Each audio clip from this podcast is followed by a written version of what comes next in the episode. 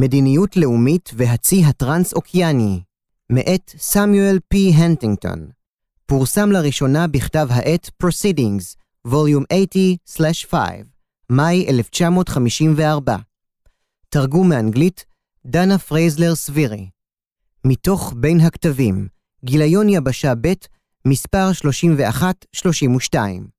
הקדמה מאת מייג'ור גנרל בדימוס תום וילקרסון, צי האמריקאי, USMC, ראש המכון הימי האמריקאי. פרופסור סמיואל הנטינגטון מאוניברסיטת הרווארד, ממדעני המדינה הדגולים בדורנו, כתב את המאמר הזה בהיותו בן 27, שלוש שנים לפני פרסום ספרו הקלאסי, החייל והמדינה, על יחסי חברה-צבא. במאמר החשוב הזה הציב הנטינגטון אתגר לצי, שרלוונטי היום אף יותר משהיה לפני 50 שנה.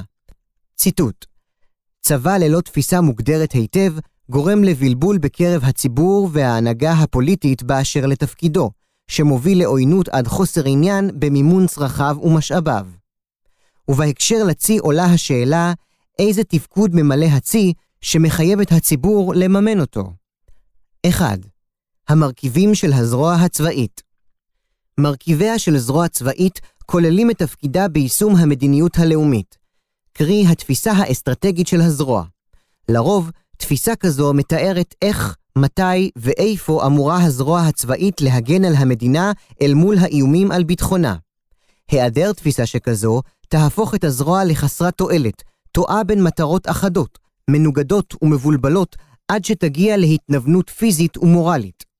זרוע צבאית יכולה למלא גם תפקידים שאינם קשורים לביטחון החיצוני של המדינה, כגון תפקידי שיטור פנימי, הצלה מאסונות ואימון אזרחי, ואולם אלה נותרים במסגרת האחריות המשנית שלה. הזרוע לא נועדה למלא תפקידים אלה, אך היא מסוגלת למלא אותם, בזכות יכולותיה להתמודד עם איומי הביטחון הלאומי. זרוע כוללת דברים רבים, אנשים, אמצעי לחימה, בסיסים, ציוד, מסורת וארגון. כל אלה חסרי משמעות או תועלת ללא מטרה משותפת שמכוונת ומגדירה את הזיקות ואת תרומתה למדיניות הלאומית. המרכיב השני של זרוע צבאית הוא המשאבים, אנושיים וחומריים, שנדרשים ליישום תפיסתה האסטרטגית. על מנת להבטיח את קיומה, על הזרוע להבטיח את תקציבה, שתלוי בהסכמה ציבורית להקצות לה את המשאבים הנדרשים ולהעדיף אותה על פני גורמים אחרים. כלומר, המשאבים שתקבל הזרוע במדינה דמוקרטית הם פונקציה של התמיכה הציבורית בה. באחריות הזרוע לטפח תמיכה חיונית זו, שאותה היא תוכל לגייס רק אם תהיה בידה תפיסה אסטרטגית שמגדירה היטב את תפקידה ותרומתה לביטחון הלאומי. מכאן שמרכיב התמיכה הציבורית תלוי, בטווח הארוך, בתפיסה האסטרטגית של הזרוע. אם לזרוע לא תהיה תפיסה אסטרטגית מנוסחת כהלכה, הציבור וההנהגה הפוליטית יהיו מבולבלים באשר לתפקידה, ובעיקר לא בטוחים בנחיצותה, ולכן עוינים לדרישותיה התקציביות. מבנה ארגוני הוא המרכיב השלישי של זרוע צבאית. לנוכח שני המרכיבים הקודמים, עולה הצורך לארגן את המשאבים הציבוריים שקיבלה הזרוע בצורה האפקטיבית ביותר, כך שתוכל ליישם את תפיסתה האסטרטגית. קרי, גם המבנה הארגוני תלוי בתפיסה האסטרטגית. מאחר ואין צורה אידיאלית לארגון צבאי, סוג הארגון הנחוץ לזרוע צבאית אחת בעלת תפיסה אסטרטגית מסוימת, לא בהכרח יתאים לזרוע אחרת בעלת תפיסה שונה. הדבר נכון לא רק ברמות הטקטיות בארגון, אלא גם ברמות הגבוהות יותר, הניהולית והאגפית. לסיכום, זרוע צבאית משמעה גוף בעל תפיסה אסטרטגית, שמגדירה את תפקידה של הזרוע במסגרת המדיניות הלאומית, תמיכה ציבורית שמספקת לה את המשאבים הנחוצים למילוי תפקידה, ומבנה ארגוני שמאגד את המשאבים ומאפשר להטמיע באפקטיביות את התפיסה האסטרטגית. שינויים במאזן הכוחות הבינלאומי יובילו בהכרח לשינויים במדיניות הביטחון הלאומי בכל מדינה. אלה יובילו לשינויים במדיניות הלאומית ובהתאם לשינויים בתפיסה האסטרטגית של הזרוע. זרוע צבאית המסוגלת להתמודד עם איום מסוג אחד, עלולה לאבד את זכות קיומה עם היעלמותו או היחלשותו של האיום. אם ברצונה של הזרוע להמשיך ולהתקיים, עליה לפתח תפיסה אסטרטגית חדשה להתמודדות עם איומים אחרים. שינוי בתפקידה האסטרטגי יכול להוביל גם להרחבה, הסכמה או שינוי בתמיכה הציבורית לה זכתה בעבר, ואף לשינוי המבנה הארגוני לנוכח שינוי המשימה. 2. המשבר בצי הטענה כי הצי האמריקאי עבר משבר קשה לאחר מלחמת העולם השנייה לא ניתנת להכחשה. עם זאת, לא בהכרח הובן טבעו והיקפו האמיתי של המשבר, מאחר ולא היה זה משבר קלאסי של כוח אדם, של מפקדים, של ארגון, של משאבים, של טכנולוגיה או של אמל"ח. היה זה משבר עמוק בהרבה. הוא נגע בעצם קיומו של הצי והשפיע על התפיסה האסטרטגית הבסיסית שלו. המשבר הציב את הצי אל מול שאלת המפתח, איזה תפקיד ממלא הצי שמחייב את הציבור האמריקאי לממן אותו.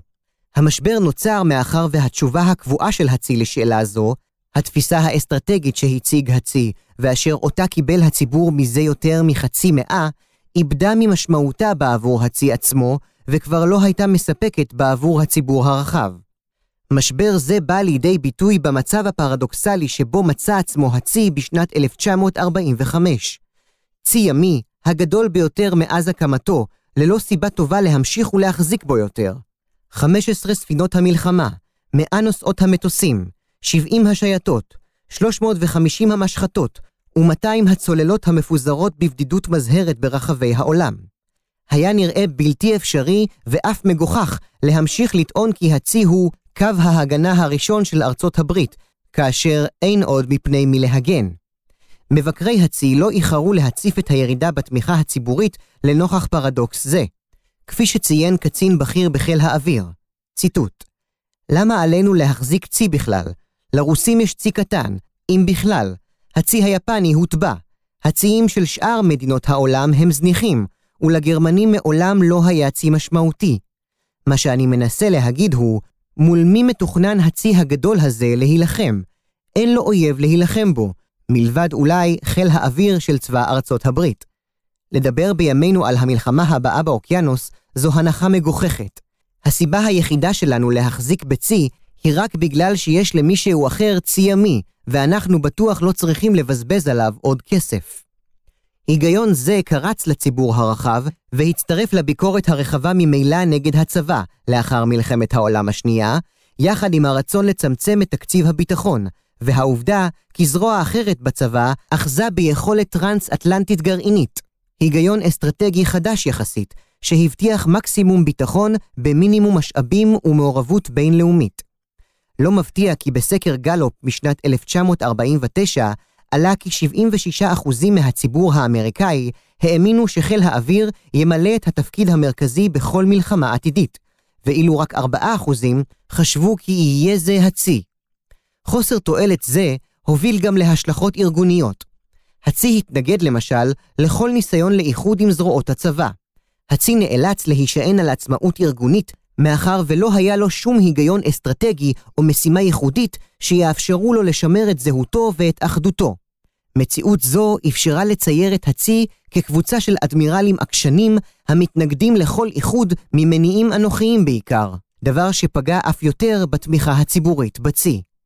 הסיבות למשבר התכלית בצי וההשלכות הארגוניות והפוליטיות שלו נבעו בין היתר מהשינויים במאזן הכוחות הבינלאומי בעקבות מלחמת העולם השנייה, האיומים החדשים על הביטחון הלאומי והאמריקאי שלאחר המלחמה, וההתאמות שנעשו במדיניות החוץ האמריקאית אל מול האיומים החדשים. מבקריו של הצי טענו כי השינויים הללו הותירו את הצי ללא תפיסה אסטרטגית מתאימה לעולם שלאחר המלחמה.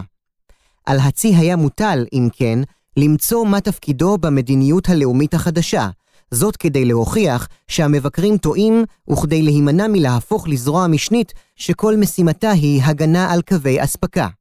מכאן שהתזה המרכזית במאמר זה היא כי מתוך אי-הוודאות של העידן שלאחר המלחמה, בלבול ודמורליזציה, התפתחה דוקטרינה חדשה בצי, שאפשרה לחבר מחדש את הצי למטרות הלאומיות.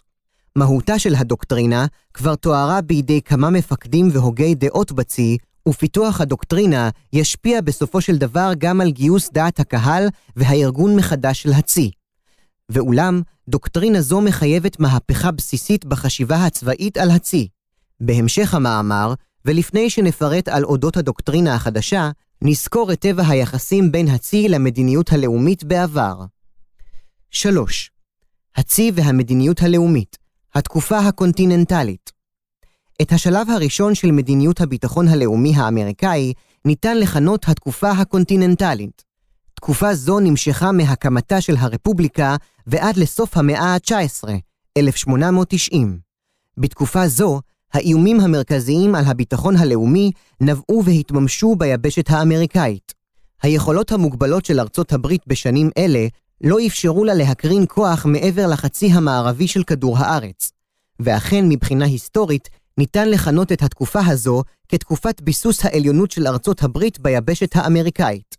מדיניות זו באה לידי ביטוי בחוסר הנכונות של ארצות הברית להיקשר בבריתות עם כוחות לא אמריקאים, בהכרזה ובהגנה על עקרונות דוקטרינת מונרו, ובהתפשטות ההדרגתית של ארצות הברית מערבה באוקיינוס הפסיפי. בשנים אלה הייתה ההתמודדות עם האיומים שהתפתחו על הביטחון הלאומי לרוב ביבשה, והכוח הימי מילא תפקיד משני ביישום המדיניות הלאומית.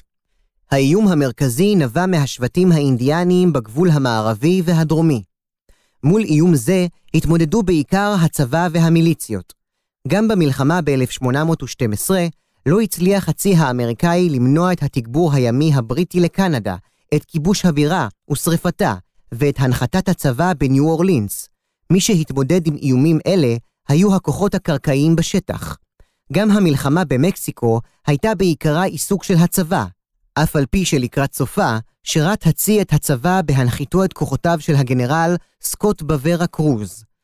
מאוחר יותר באותה מאה, כאשר הפרה הנוכחות הצרפתית במקסיקו את דוקטרינת מונרו, ההתמודדות עם איום זה וקטיעת קווי האספקה בין צרפת למקסיקו לא נעשו על ידי הצי, אלא בהובלת כוחותיו של הגנרל שרמן לאורך נהר הריו גרנדה. למעשה, בתקופה זו לא נעשה שימוש בכוח הצבאי האמריקאי מחוץ ליבשת אמריקה. הצבא האמריקאי הקדיש את כל מאמציו לחיסול הדרגתי של כל האיומים האפשריים לביטחון ארצות הברית בחצי הזה של העולם. הרגיעה מול האינדיאנים בשנות ה-90 של המאה ה-19 הייתה למעשה סופו של השלב הזה במדיניות האמריקאית, שהגיע לקיצו הרשמי עם הצהרת אולני לממשלת בריטניה במסגרת סכסוך הגבולות בוונצואלה ב-1895. ציטוט: היום ארצות הברית היא למעשה הריבון ביבשת הזו, אמריקה, ומעורבותה ביבשת והוראותיה נתפסות כחוק בעיני הנתינים המקומיים. מעמדו המשני של הצי בתקופת המדיניות הקונטיננטלית בא לידי ביטוי במגוון של עיסוקים בפריפריה הצבאית. לצי היו שלושה עיסוקים עיקריים. הראשון, אחריות הצי על הגנת החופים, מתקופת ממשלו של ג'פרסון ועד לשנות ה-80 של המאה ה-19, מה שהוביל לייצור סדרתי של ספינות תותחים ופיקוח. השני, הצי היה אחראי על הגנת נתיבי המסחר האמריקאים מעבר לים, ובעת מלחמה, על פשיטה על נתיבי הסחר של האויב. למטרה זו נפרסו כחצי תריסר שייטות בכל רחבי העולם, מהים התיכון ועד לים ההודי המזרחי, וצוידו בפריגטות קרביות מהירות. השלישי, בעת מלחמת האזרחים והמלחמה במקסיקו, בעת שארצות הברית נלחמה בשתי מדינות ללא כוח ימי, הצי מילא תפקיד חשוב בהטלת מצור על האויב ובסיוע לפעולות דרך הים. פעולות מגוונות אלה לא פגעו בתפקוד הצי בתקופה הזו. מאחר והיו אלה פעולות משניות בחשיבותן, התמקד הצי בפעולות סיוע אזרחיות מגוונות, אך כאלה שתורמות ישירות לאתגרים הביטחוניים. כך למשל, תמך הצי במשלחות מחקר מדעיות, בארגונם של מסעות גילוי. קציני הצי מילאו תדיר משימות דיפלומטיות, ורבים אף הוצבו כמנהלים במחלקות המדינה הממשלתיות. ככלל, בתקופה זו, לא מילא הצי תפקיד חיוני בהתמודדות עם איומים ביטחוניים מרכזיים, ולכן נטה לפזר את יכולותיו סביב מגוון פעולות אזרחיות וצבאיות. מעמדו המשני של הצי במדיניות הלאומית התבטא בתמיכה ציבורית נמוכה בתקופה זו. ההתפשטות המתמשכת של ארצות הברית מערבה פגעה בהדרגתיות בכוחם הפוליטי של מצדדי הצי. לאחר גירושם מהשלטון של הפדרליסטים ב-1800, נשלט הממשל על ידי קבוצות פוליטיות, מתנגדות לרוב, ולעיתים פשוט אדישות לצי. המגזר החקלאי במדינה נטה לראות בממסד הצי עול לא רצוי ואף סכנה לכלכלה הלאומית. בתקופת הייאוש, ששיאה בשנים שלאחר מלחמת האזרחים, היה על הצי להתמודד עם מציאות פנימית לא פשוטה. מאחר ולצי לא היה תפקיד מוגדר במילוי המדיניות הלאומית, לא היה נחוץ לו ארגון שיבחין בין המשימות האזרחיות לצבאיות. כתוצאה מכך, ולמרות שינוי ארגוני משמעותי שעבר ב-1842, ולמרות הקמת משרד ממשלתי לענייני הצי, המבנה הארגוני בצי נותר יחסית מיושן לאורך כל התקופה. לא תחת המועצה לניהול הצי ולא תחת הפיקוח של השר החדש, הייתה הפרדה בצי בין המשימות האזרחיות לצבאיות. כאשר במהלך מלחמת האזרחים נקרא הצי למלא משימה צבאית חשובה, קצין מיוחד היה מוקצה על מנת להוביל את המשימות הצבאיות של הצי. מלבד אלה, ארגון הצי ביטא את חוסר היכולת שלו לפתח תפיסה אסטרטגית רלוונטית למטרות המרכזיות במדיניות הביטחון הלאומי. 4. הצי והמדיניות הלאומית התקופה האוקיינית המציאות הקודמת עברה שינוי בשנות ה-90 של המאה ה-19, כאשר החלה ארצות הברית להקרין את כוחה ואת האינטרסים שלה מעבר לים. רכישת נכסים טריטוריאליים מעבר לים והמעורבות האמריקאית בשימור מאזן הכוחות באירופה ובאסיה שינו את אופיים של האיומים הביטחוניים שעימם היא התמודדה. האיומים על ארצות הברית בתקופה זו נבעו לא מהיבשת האמריקאית, אלא מהאזורים באוקיינוס האטלנטי והפסיפי ומהמדינות סביבם. לכן, השליטה והעליונות באוקיינוסים הפכה לצורך ביטחוני חיוני, בדיוק כפי שבעבר היה חיוני להשיג עליונות ביבשת אמריקה. שינוי זה במדיניות האמריקאית בא לידי ביטוי דרמטי במלחמה בספרד. מה שהחל כמאמץ לסילוק מדינה אירופאית בינונית מאחיזה לא מבוססת בשטח ביבשת אמריקה, הסתיים בהרחבת האינטרסים והאחריות האמריקאית בצד הרחוק של האוקיינוס הפסיפי. עמדתה החדשה של ארצות הברית הפכה אותה לאחד מהכוחות המרכזיים בעולם, שניסו להקרין את צורכי הביטחון שלהם בעזרת פיתוח כוח ימי. משמעות הדבר הייתה שינוי דרמטי במעמד הצי, ואילו תפקיד הצבא ביישום המדיניות הלאומית הפך כעת למשני. הצי לא היה רק קו ההגנה הראשון של האומה, וכבר לא מילא מגוון משימות לא חיוניות לביטחון הלאומי. במהלך מעט יותר מ-20 שנה, בין 1886 ל-1907, התקדם הצי מהמקום ה-12 למקום השני בציי העולם. השינוי הדרמטי חייב מהפכה בחשיבה של הצי, בפעולותיו ובארגונו. המהפכה בחשיבה של הצי ופיתוחה של תפיסה אסטרטגית חדשה הגיעה לשיאה במסגרת עבודתו של אלפרד טייר מהן. כתביו של קצין הצי הציגו באופן מדויק את תפקידו החדש של הצי. מהן תקף את הרעיון הישן כי תפקידו של הצי מתמצא בהגנת החופים ובפגיעה בנתיבי הסחר של האויב, וטען כי תפקידו האמיתי הוא שליטה בימים, שתושג על ידי השמדת ציי האויב. מהן ציין בבוז את תפקודי השיטור שהועברו לצי בתקופה הקודמת. עם זאת, לא הצליח מהן להבחין כי גם משימות השיטור הללו תרמו להשגת המטרות הלאומיות בתקופה הקודמת, בזמן שהדוקטרינה של שליטה בימים רק התפתחה. על מנת להבטיח שליטה בימים, היה הכרחי לבנות צי קרבי חזק מזה של האויב, בדרך של בניית יותר אוניות מכל מדינה אחרת, וספינות גדולות יותר, ובעלות כוח אש חזק יותר מזה של האויב. נוסף על כך, היה צריך להשתמש באוניות אלה יחדיו, במסגרת של צי אחד חזק, ולא להמשיך ולפזרם בשייטות קטנות על פני כל הגלובוס. התוצאה של תהליך זה הייתה מרוץ חימוש ימי, ספינות תותחים גדולות, ותיאוריית ריכוז הכוח כמטרה הראשית של האסטרטגיה הימית הנוכחית. באופן כללי, דוקטרינת מהן אומצה על ידי כל ציי העולם, ואולם, כל מדינה התאימה אותה לאיומים הייחודיים שלה. עד מלחמת העולם השנייה, הדאגה העיקרית בארצות הברית הייתה מפני הצי היפני והגרמני. הצי האמריקאי רוכז בחוף האטלנטי, שם רוכזו רוב הבסיסים והמספנות, ומשם גם קיבל הצי את עיקר תמיכתו הציבורית. רק עם השמדתו של רוב רובו מצי השטח הגרמני, הועבר הצי האמריקאי לאזור הפסיפי, ובשני העשורים הבאים התמקדה רוב החשיבה הימית האמריקאית במלחמה נגד יפן. חשיבה זו השפיעה הן על מיקומו של הצי, הן על פיתוח אמל"ח וטול ימי שיתאימו למרחבי האוקיינוס הפסיפי. המימוש של אותה תפיסה אסטרטגית שהתפתחה ב-20 השנים הקודמות, נעשה בפועל במהלך המלחמה הימית נגד יפן בשנים 1941 עד 1945.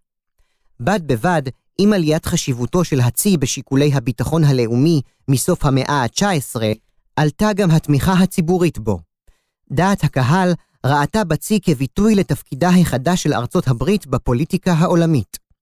המגזר העסקי, שבתקופה זו התחזקה השפעתו על הממשל, על חשבון המגזר החקלאי, נטה לתמוך בצי. הוקמה ליגה למען הצי בארצות הברית, שמילאה תפקיד מרכזי בחיבור בין הצי לציבור. הנשיאים, בעיקר שני הרוזוולטים, ומנהיגי הקונגרס, נטו להסכים עם בקשות התקציב של הצי. כך הצליח הצי לגייס את התמיכה הציבורית שהייתה חיונית בעבורו על מנת להוציא אל הפועל את תפיסתו האסטרטגית. המשימות החדשות של הצי הובילו גם לארגונה מחדש של מחלקת הצי. צורתו החדשה של הצי ועלייה במשימות הצבאיות שלו הובילו לחלוקה בין משימות אזרחיות למשימות צבאיות במחלקת הצי. הרפורמיסטים בצי ביקשו לשנות את המבנה הארגוני כך שיבטא נכון את שתי המשימות הראשיות.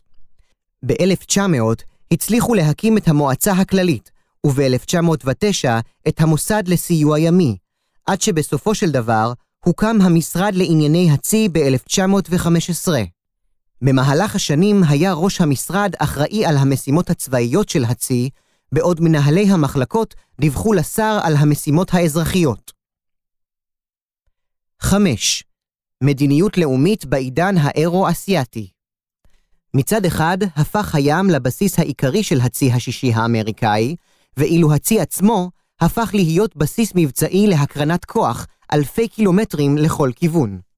סיומה של מלחמת העולם השנייה סימלה שינוי נוסף במדיניות הביטחון האמריקאית לעומת השינוי שחל בסוף המאה ה-19. האיומים באוקיינוס האטלנטי והפסיפי נעלמו, אך למעשה הם רק הוחלפו באיומים אחרים ורציניים לא פחות, שמקורם בליבה של היבשת האירו-אסייתית. כתוצאה מכך, עברה המדיניות האמריקאית לעידן שלישי, שכלל הקרנת כוח אמריקאית או אפשרות להקרנת כוח כזו במקרה של מלחמה ביבשת האירו-אסייתית. הדרך הברורה והקלה להקרין כוח שכזה הייתה בעזרת הפצצות אסטרטגיות ארוכות טווח, ולכן התרכזה המדיניות האמריקאית מיד לאחר המלחמה בבניין כוח גרעיני ובמפציצים הבין-יבשתיים. לאחר מכן, נעשה מאמץ לבנות מערכת של בריתות שכללה המשך של נוכחות הכוחות האמריקאים ביבשת אירופה. שתי גישות אלה סיפקו לחיל האוויר ולצבא תפקידים אסטרטגיים ביישום המדיניות הלאומית. אל מול זאת, מה נותרה משימתו של הצי? מה התפקיד שאותו יוכל הצי למלא בהקרנת כוחה של ארצות הברית ביבשת אירופה? זה היה האתגר שאותו הציבה מדיניות החוץ האמריקאית החדשה לצי. מולו עמד צי מגמגם ומהסס, עד להופעתה של דוקטרינה ימית חדשה, שאפשרה לצי להגדיר מחדש את תפקידו בעידן המלחמה הקרה. 6. הדוקטרינה הימית החדשה, הצי הטרנס-אוקיאני. הדוקטרינה החדשה שלאחר המלחמה, כפי שבאה לידי ביטוי בקרב מפקדי הצי והוגי הדעות בו, עוסקת למעשה בתיאוריה של הצי הטרנס-אוקיאני, שמשמעה צי שמסתכל מעבר לים, לכיוון היבשה והיושבים בה. המרכיבים הבסיסיים של דוקטרינה זו וההבדל בינה לבין תפיסת העידן האוקיאני בצי מסוכמים להלן. 1. חלוקת הכוח הבינלאומי. בבסיסה של הדוקטרינה החדשה עומדת העובדה הפשוטה שהכוח העולמי הנוכחי לא מחולק בין ציי העולם, אלא בין מדינה אחת ובנות בריתה, ששולטות ביבשות, לבין מדינה אחרת ובנות בריתה, ששולטות באופן בלעדי בימים. חלוקה דו-קוטבית זו של הכוח העולמי, לצד הדיכוטומיה בין שליטה בים לשליטה ביבשות, הופכת את התיאוריה של מהן ללא רלוונטית יותר, מאחר ובבסיס התיאוריה של מהן עמדה ההנחה כי קיימים כמה כוחות ימיים עולמיים. מהן, כמו הוגים אחרים, חיפש אחר אמת אוניברסלית קבועה וניסה לפתח מרכיבים קבועים לאסטרטגיה הימית. אבל בדומה להוגים אחרים, גם התיאוריה שלו ונקודת מבטו נבעו מהעידן שבו הוא חי, עידן של הכרעות צבאיות בין כוחות ימיים מתחרים. עולם של כמה כוחות ימיים שייצגו את עליית מדינות הלאום באירופה, גילוי העולם החדש, והתחרות הקולוניאלית והמסחרית בין מדינות אירופה. תקופה זו של תחרות בין כמה כוחות ימיים נמשכה מאמצע המאה ה-17 ועד לאמצע המאה ה-20, ומחולקת לשתי תתי תקופות. תת התקופה הראשונה נמשכה עד ל-1815, והתאפיינה בתחרות ימית אינטנסיבית ובמלחמות בין ספרד, הולנד, צרפת ובריטניה. לבסוף, לאחר שורה של עימותים ששיאם במלחמות נפוליאון וקרב טרפלגר, יצאה בריטניה כמעצמה הימית המובילה. מ-1815 ועד לשנות ה-90 של המאה ה-19, החזיקה בריטניה במעמד זה ללא אתגר של ממש. ואולם לקראת סוף המאה ה-19, החל סבב תחרות נוסף בעת שגרמניה, ארצות הברית ויפן אתגרו את העליונות הבריטית בים. בתת התקופה השנייה הובסו הציים הגרמניים והיפניים במלחמת העולם הראשונה והשנייה, שהסתיימה בניצחון אמריקאי-בריטי בים, ולמעשה בעליונות הכוח הימי האמריקאי בכל העולם. סקירה היסטורית זו מחזקת כי התיאוריה של מהן התאימה לתקופה שבה השליטה בים התחלקה בין כמה כוחות גלובליים. מהן למד לעומק את התקופה שבין אמצע המאה ה-17 ל-1815, ואז יישם את התובנות שלמד ממנה על תת התקופה השנייה, שבה הוא חי. גישה זו יצרה כביכול רושם שהדוקטרינה של מהן היא אמת אוניברסלית קבועה. אם עקרונות הלוחמה הימית שהתאימו למאה ה-17 מתאימות גם לסוף המאה ה-19, אזי אלה הם עקרונות אוניברסליים שמתאימים לכל אורך ההיסטוריה. בפועל, היו שתי תת-תקופות אלה ייחודיות בדמיון ביניהן. הראשונה, בתחילת עידן הקולוניאליזם של מדינות אירופה בעולם החדש, והשנייה, בהמשך אותו קולוניאליזם באפריקה ובאסיה. מצבים שכאמור לא בהכרח יחזרו על עצמם. חשוב לציין כי לא במקרה התמקד מהן במחקרו ההיסטורי בתקופה שבין 1660 ל-1815. ועל אף שהודה במכתבו לאדמירל משנה סטפן בי לוס, ש... ציטוט, ישנם הרבה שלבים בהתפתחות ההיסטוריה הימית הצבאית, הוא עצמו האמין כי הוא, ציטוט, מוביל את התקופה שלאחר הסכם השלום בווסטפליה ב-1648, שבה מדינות אירופה החלו לתפוס את מקומם המודרני, במאבק קיומי על שליטה. מהן גם ציין שמה שעוד אפיין את התקופה, היה כי הביטוי לכוח של כל מדינה התבטא בכוח הימי, מלבד אולי רוסיה ואוסטריה. גם שאר היבטי התיאוריה של מהן התבססו על ההנחה כי קיימים לפחות שניים או יותר מתחרים ימיים. הרעיון כי מטרתו של הצי היא להשיג שליטה בים, וכדי להשיג מטרה זו, חיוני לרכז כוח ימי במסגרת של צי, והניצחון יושג על ידי הצי בעל האוניות הרבות יותר, התותחים החזקים ביותר, והתחמושת הכבדה ביותר. ברור שריכוז הכוחות במסגרת של צי נחוץ רק אם גם ליריב יש יכולת כזו. וכפי שציין ברנרד ברודי, הרעיון של בניית צי על מנת להבטיח את השליטה בים, מקורו במלחמות בין בריטניה להולנד באמצע המאה ה-17, תחילתה של התקופה הנדונה. למרות שלילת קביעותה האוניברסלית של תיאוריית מהן, אין להמעיט בתובנותיו המבריקות. לתאר ולנסח עקרונות התפתחות היסטורית של 300 שנה זה אינו עניין פעוט.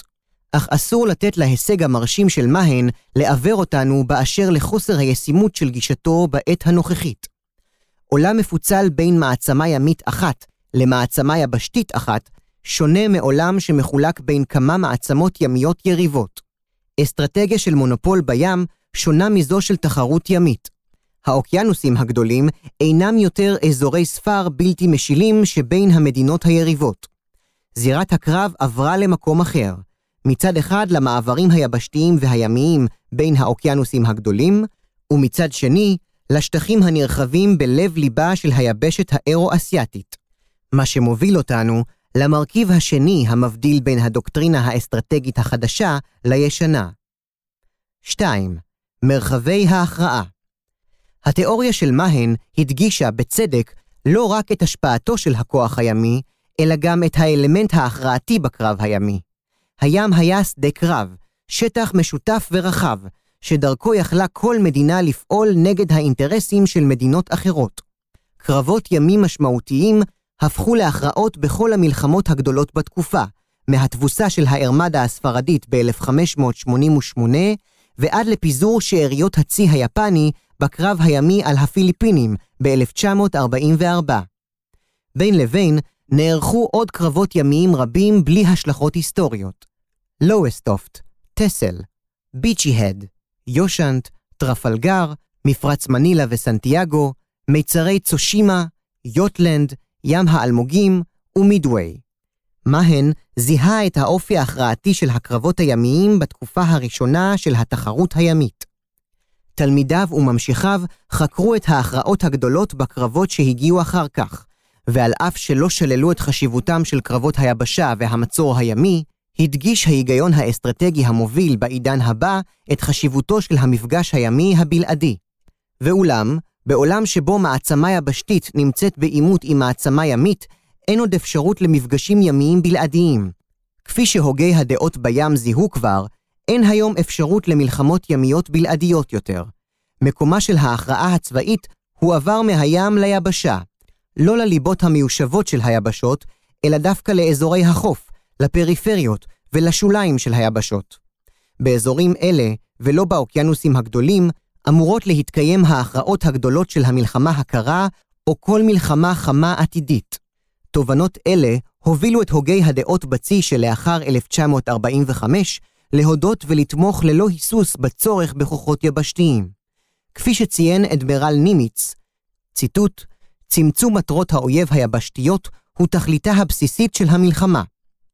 הביקורת של וולטר מיליס על דוקטרינת מהן, שזקפה לכוח הימי יכולת קיום עצמאית, עמדה שהתאימה לעידן של קרבות ההכרעה בים, קובעת כי קוריאה היא לקח אחד גדול בעובדה הכפולה שכל כוח צבאי הוא בראש ובראשונה כוח יבשתי, ואפשר לעשות בו שימוש יעיל בעזרת הטכנולוגיה המודרנית וחיבור מושכל ומרוכז לכל האמצעים הקיימים באוויר, בים וביבשה, זאת על מנת להשיג את התכלית המדינית בהתאם להקשר שנוצר. 3. משימתו של הצי העובדה שמעתה ההכרעה תושג ביבשה, משמעה שינוי משמעותי במשימתו של הצי. במהלך התקופה הקודמת, משימתו של הצי הייתה כאמור להבטיח את השליטה בים. ציטוט: במלחמה, אמר מהן, המטרה הראויה לצי היא הצי של האויב. וכפי שהמשיך וציין בחלק אחר וידוע שלו, ציטוט, השמדת אוניות ספציפיות או שיירות, מעטות או רבות, אינה מפילה מדינות ואומות. רק יכולת ימית שתלטנית יכולה להשיג את האויב, או לכל הפחות להוביל לבריחתו. אותה שליטה על המרחבים הימיים היא זו שמאפשרת לסגור את דרכי המסחר אל ומחופי האויב. יכולת שתלטנית כזו יכולה להיות מושגת רק על ידי הציים הגדולים. מאחר ולצי האמריקאי ישנה עכשיו שליטה בימים, ואף על פי שלצי האוניות הסובייטי אין יכולת לערער עליו, מלבד אולי למאבקים מקומיים בים הבלטי ובים השחור, הצי לא יכול לקבל יותר את הגדרתו של מהן לגבי משימתו. מטרתו עתה היא לא להשיג שליטה בימים, אלא לתעל את שליטתו בימים להשגת עליונות ביבשה. במילים אחרות, להטיל את הכוח הימי אל רצועת החוף שמקיפה את היבשת האירו-אסייתית, שבה תושג ההכרעה העתידית. משמעות הדבר היא מהפכה אמיתית בחשיבה ובפעולה הימית בצי. במשך עשורים עיני הצי פנו החוצה, לעבר האוקיינוסים הכחולים. מעתה, על הצי לשנות את הכיוון שאליו הוא מביט, ולהסתכל לעבר היבשות, שם נמצאות המטרות החדשות שלו. זו הייתה נקודת המבט ההיסטורית של ציים שבאו להבטיח יכולת בלתי מעורערת לשליטה בים, כמו בתקופת העליונות של הצי הבריטי, כפי שציין אדמירל נימיץ. ציטוט: שהצי הבריטי נלחם מול מטרות בחוף לא פחות משנלחם בעומק הים. זהו סימן לעוצמה ולגמישות של הצי, ולהכרה של מפקדים והוגי דעות בו, בצורך לשנות כיוון. התאמתו של הכוח הימי לפעול נגד מטרות ביבשה, מחייבת כמובן צי שונה לחלוטין מהצי בתקופת המאבק על העליונות בים. האמל"ח הנחוץ לצי החדש צריך להיות מסוגל להקרין את הכוח הימי פנימה ליבשה. אמל"ח זה כולל שלוש צורות עיקריות. אחת, נושאות מטוסים, שבעתיד יחומשו ביכולות שיגור נשק גרעיני לטווח של אלף מייל פנימה ליבשה. 2. יכולות אמפיביות מבוססות הצי, לפגיעה ולכיבוש של מטרות החוף, שיוכלו בעתיד, עם פיתוחן של יכולות העסקה מנושאות המטוסים, להנחית כוחות יבשתיים בעומק היבשת. 3. ארטילריה ימית, שבעזרת פיתוח טילי שיוט תוכל לפגוע במטרות רחוקות בעומק היבשה מעבר לחוף. הצי העתידי יהיה צריך להיות מאורגן סביב אמל"ח מסוג זה, ואין זה דמיוני כי בעתיד כוח משימה של הצי ימלא משימות של התקפה וכיבוש מטרות בעומק היבשות. 4. הבסיס של הצי בתיאוריה הישנה התקיימו הפעולות בעומק הים, ואילו הצי אגן ביבשה. עקרונית זה עדיין נכון, מאחר ובני האדם עדיין שואבים את מזונותיהם ואת משאביהם מהיבשה. אבל אפשר גם לטעון כי הבסיס של הצי הורחב הרבה מעבר לגבולות היבשת האמריקאית, ואף מעבר לבסיסים האמריקאים שפרוסים ברחבי העולם. במובנים רבים, כיום הפך הים לבסיס שממנו פועל הצי האמריקאי במהלכיו ההתקפיים מול היבשה. נושאות המטוסים הן תעופה מבוססת ים, המרינס הם כוחות יבשתיים מבוססי ים, כוח האש והנשק המונחה של הצי הם כוחות אש מבוססי ים. הצי האמריקאי, כמי ששולט עכשיו בימים, יכול לפתח את המאפיינים הבסיסיים של הים הרבה מעבר למה שעשה בעבר, ולהרחיב באופן משמעותי את מערך הבסיסים הצפים, שהחל להפעיל במלחמת העולם השנייה. מטרתו של הצי כעת צריכה להיות, עד כמה שניתן, למלא תפקידים שכיום נעשים ביבשה בבסיסים הימיים, שקרובים יותר לשדות הפעולה. הבסיס של הצי האמריקאי צריך לכלול את כל אותם בסיסים יבשתיים שבשליטתנו, ואת כל הבסיסים הימיים בעולם, שיכולים להתייצב רק כמה מיילים מול חופי האויב. מציאות כזו תאפשר לכוח האמריקאי גמישות והשפעה רחבה הרבה מעבר לכל מעצמה יבשתית. התועלת הכי ברורה מתפיסה זו נובעת מיישומה לנושאות המטוסים. במילותיו של אדמירל נימיץ, ציטוט, התוצאה היא שהכוחות הימיים יהיו מסוגלים, ללא שימוש באמצעים דיפלומטיים, להציב מול החופים בכל מקום בעולם בסיסים אוויריים מצוידים בתחמושת, מחסנים, מכונות ואמצעי תדלוק, כמו גם מגורים לכוח האדם הנדרש לתפעולם. כוחות משימה כאלה הם לא פחות מכל בסיס אווירי. הם למעשה בסיסי האוויר היחידים שניתן למצב קרוב לשטח האויב, עוד לפני התקפה או כיבוש. זאת ועוד, הם בסיסים התקפיים ניידים, שניתן בעזרתם להפתיע ולהסתיר, ובכך לתרום גם למימד ההתקפי וגם למימד ההגנתי שלהם. עכשיו אפשר גם להגדיר את היחס בין היכולות נגד צוללות של הצי לבין צורת הפעולה החדשה הזו. לוחמת צוללות היא פשיטה שמכוונת נגד בסיסי הצי. ללא יכולת מניעה אפקטיבית של התקפת צוללות, עלולות להיות לה השלכות קשות. אבל היכולות נגד צוללות, למרות חשיבותן, הן אינן עיקר עיסוקו של הצי. מאחר ומדובר ביכולת הגנתית, מניעתית, שמטרתה להגן על בסיסי הצי. קרי, השליטה בים מאפשרת את אותם בסיסים ימיים, ניידים, שמאפשרים את המהלכים ההתקפיים של הצי נגד מטרות בחוף. יכולות נגד צוללות דומות ביחסם לצי כשמירה על המחסנים של צבא היבשה, או הגנה על בסיסי חיל האוויר ומפעלי התעופה. זוהי משימה משנית, אך עדיין האפקטיביות שלה חיונית להגשמת המשימה הראשית. ואכן, היכולת לעמוד בהצלחה במשימה הראשית של הצי, שימור הכוח האמריקאי לאורך חופי היבשות, הוא למעשה המרכיב החשוב ביותר בהגנה על בסיסי הצי. השליטה האמריקאית לאורך חופי היבשות תצמצם באופן משמעותי את דרכי הגישה של צוללות סובייטיות לעומק הים ולעבר הבסיסים האמריקאים. 5. המיקוד הגיאוגרפי של פעולות הצי התיאוריה החדשה של הצי הטרנס-אוקיאני שונה מהדוקטרינה הישנה של מהן, בכך שעקרונותיה ישימים רק לצי אחד ויחיד בעולם ולא לכולם. בעבר ראינו כיצד מדינות שונות אימצו את התיאוריה של מהן בהתאם לנסיבות הייחודיות שלהן, כשעבור ארצות הברית משמעות הדבר הייתה התרכזות באוקיינוס הפסיפי. האם לתיאוריה החדשה ישנו גם מיקוד גיאוגרפי? התיאוריה החדשה משפיעה בבירור על חופי היבשת האירו-אסייתית, מקמצ'טקה ועד לקוטב הצפוני, ובמיוחד על חצאי האיים כמו קוריאה. גם במבט חטוף על מפת אירו-אסיה, ניתן לראות אזור אחד מרכזי שמאפשר התקפות יבשתיות מהים. זהו כמובן אזור אגן הים התיכון. הים התיכון מרחיב את בסיס הכוח האמריקאי, 2,500 מיילים מהבית, לעבר היבשת האירו-אסייתית. מאגן הים התיכון יכול הצי להקרין את כוחו לעבר מערב אירופה, חצי האי הבלקני, טורקיה והמזרח התיכון. במקרה של מלחמה גדולה עם רוסיה, הים התיכון יהיה הבסיס שממנו תצא המתקפה המכריעה לעבר ליבה של רוסיה, לתעשיות ולמרכזי החקלאות של אוקראינה ולעבר שדות הנפט בקווקז. מכאן שאין זה מפתיע כי הים התיכון החליף את האוקיינוס הפסיפי כאזור המיקוד המרכזי של הצי האמריקאי היום. ההכרה בתפקידו המרכזי של אגן הים התיכון במדיניות החוץ האמריקאית נעוצה בהצהרתו ההיסטורית של המזכיר פורסטל ב-30 בספטמבר 1946, שהכריז כי הצי האמריקאי ימשיך לשהות באזור כחלק מהמדיניות הלאומית האמריקאית.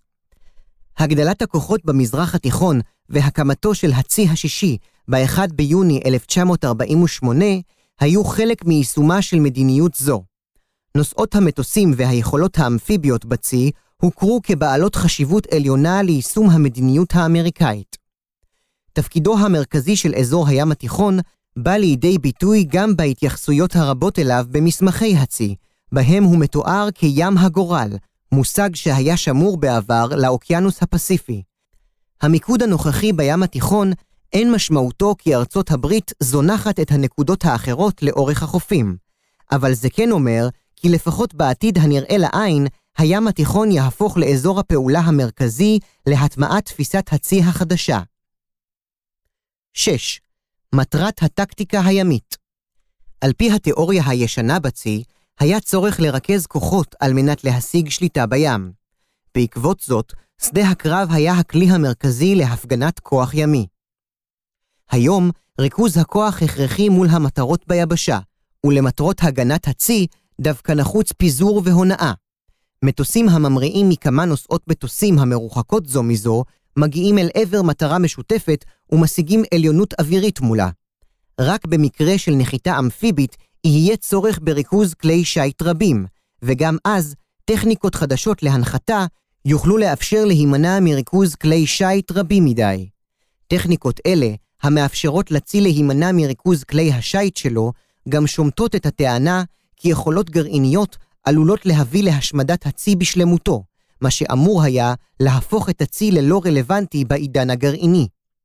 פיזור, גמישות וניידות, ולא ריכוז כוח, עומדים בלב הדוקטרינה הטקטית החדשה של הצי.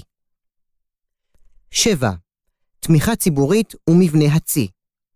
תפיסה אסטרטגית חדשה תשפיע באופן בלתי נמנע גם על התמיכה הציבורית בצי ועל המבנה הארגוני שלו. עם זאת, עד כה לא ניתן לזהות השפעה על המבנה הארגוני בצי. מרגע שתהיה הכרה מלאה בשינוי תפקודו של הצי, יאפשר הדבר לשנות עמדות גם בצי ולחשוב בחיוב על איחוד עם חלקים אחרים בצבא. בעתיד, יצטרך להיות לכך גם ביטוי חוקתי, מאחר ובחוק הביטחון הלאומי עדיין מוגדרת משימתו של הצי ניהול תקריות קרב מהירות וזהירות במבצעים ימיים. באופן כללי, ייתכן שהבסיס הכפול בארגון הצי, שהתפתח בתקופה האוקיינית, יוכל להמשיך גם כעת. בכל מקרה, נראה שההשלכות העיקריות של הדוקטרינה החדשה מחייבות תמיכה ציבורית בעיקרה, ולא רק שינוי ארגוני. יכול להיות שהצורך המרכזי של הצי כעת הוא להכיר בכך שאינו הכוח המרכזי בצבא, אלא אחד משלוש הזרועות המרכזיות בצבא, הממלאות תפקיד ביישום המדיניות האמריקאית במלחמה הקרה. הצורך השני הוא שהצי יתעקש לשמור על מעמדו לצד שתי הזרועות הנוספות בצבא. לשם כך, על הצי להשקיע בתמיכה הציבורית ובהכרה הציבורית בעניין משימתו הטרנס-אוקיינית. היום מומחי צבא כמו העיתונאים הנסון בולדווין ווולטר מילס, מעריכים את תפקידו החדש של הצי. אך עדיין נשמעת, לעתים קרובות, הביקורת של האיש ברחוב. ציטוט: בשביל מה אנחנו צריכים את הצי בכלל, אם לרוסים אין בכלל צי ימי? על מנת להתגבר על דעות כאלה, על הצי לפעול באופן מערכתי ולהציג בצורה ברורה את תפיסת הצי הטרנס-אוקיאני, על רקע ההיסטוריה העשירה שלו ולאור היכולות הטכנולוגיות החדשות שרכש. רק מהלך כזה יוכל להוביל לתמיכה ציבורית רחבה בחשיבותו של הצי לביטחון הלאומי האמריקאי.